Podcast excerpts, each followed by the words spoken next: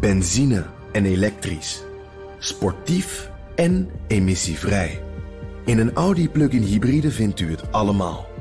Ervaar de A6, Q5, Q7 en Q8 standaard met quattro vierwielaandrijving. Wat u ook zoekt, u vindt het in een Audi. Audi. Voorsprong door techniek.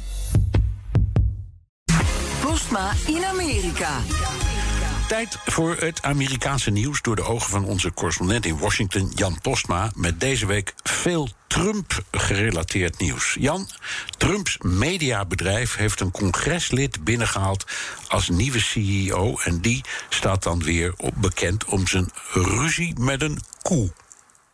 Ja, u hoort het goed. Een koe inderdaad. Dat is uh, Devin Nunes, uh, pro-Trump-congreslid. Uh, werd bekend vooral tijdens de impeachment. Toen was hij echt een fanatieke verdediger van Trump. En nu stopt hij er meteen me, ermee. En meteen aan het einde van het jaar al. Dus hij is ook echt al heel snel weg. en dat heeft er dan weer mee te maken omdat hij. Um, uh, ja, eigenlijk uit een district komt... Uh, wat nu samengevoegd wordt met een ander district. En daardoor zou het een stuk lastiger vorm gaan worden... want dan moest hij ook meer democratische stemmen binnen gaan halen. Nou, dat zou dan de reden zijn dat, hij nu snel even ertussen uitpiept... en voor Trump kiest. Maar Nunes die staat ook bekend om zijn geklaag en zijn rechtszaken... tegen journalisten, tegen Twitter... en zelfs ook tegen een parodie-account van een koe op Twitter. Devin Nunes Cow heet het. Nunes was zelf ooit boer... En uh, deze parodie-koe, ja, de, die, die, is geen fan van uh, zijn oude baas uh, Núñez. En uh, Núñez wilde daarom 200 miljoen dollar binnenhalen in die rechtszaak. En ja, de ironie hierin wordt ook niet over het hoofd gezien... want Núñez die heeft het vaak over de vrijheid terugbrengen op het internet. Ook in zijn nieuwe baan, hè. Dat je op dat nieuwe Trump-netwerk weer alles mag zeggen. Maar ja, een parodie-koe wilde hij dus de mond snoeren. En, ehm, en dan gaat hij loeien. in het ja, precies. precies. En in dat, dat, dat platform van Trump, eh, waar dus ook de vrijheid voorop staat... en waar Nunes ook in het persbericht helemaal op losgaat... van oh, hier mag alles uh, weer. Daar mag je dus ook geen kritiek hebben op dat Trump-platform nee, zelf. Dus daar nee. is een beetje een, daar een komt, gelijkenis. En, ja, ja? ja gemekker.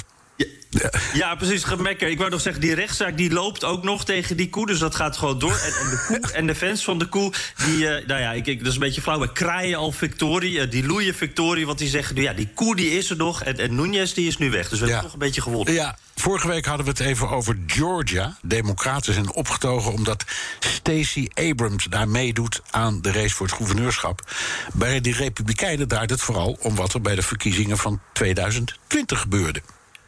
Ja, daar, daar wou ik toch even op terugkomen. Want, vorige week legde ik uit dat die Republikeinen... die, die, die, die zijn bang voor verdeeldheid. De, tegenover die, die, een beetje die democratische ster Abrams.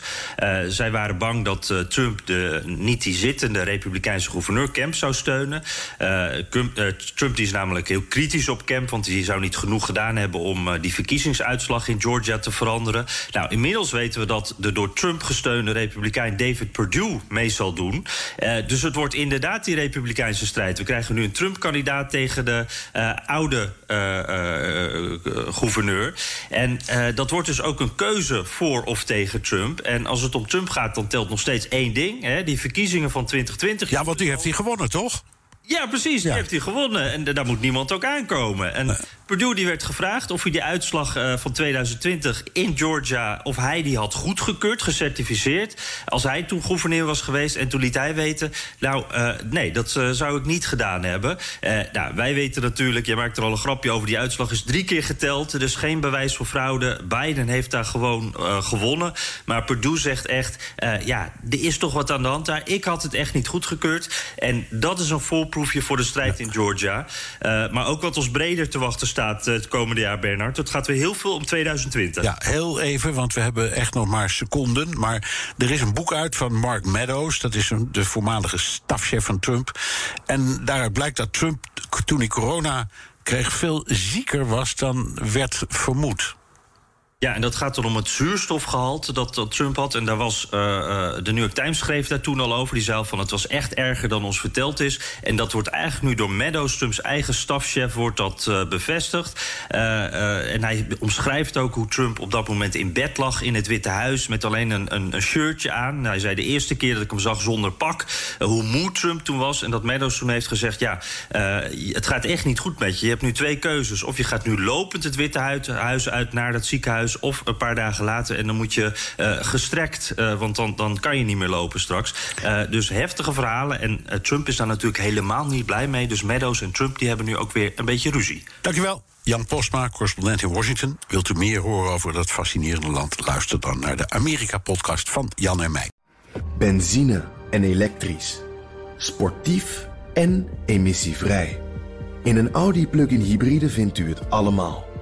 Ervaar de A6 Q5, Q7 en Q8 standaard met quattro vierwielaandrijving. Wat u ook zoekt, u vindt het in een Audi. Audi. Voorsprong door techniek.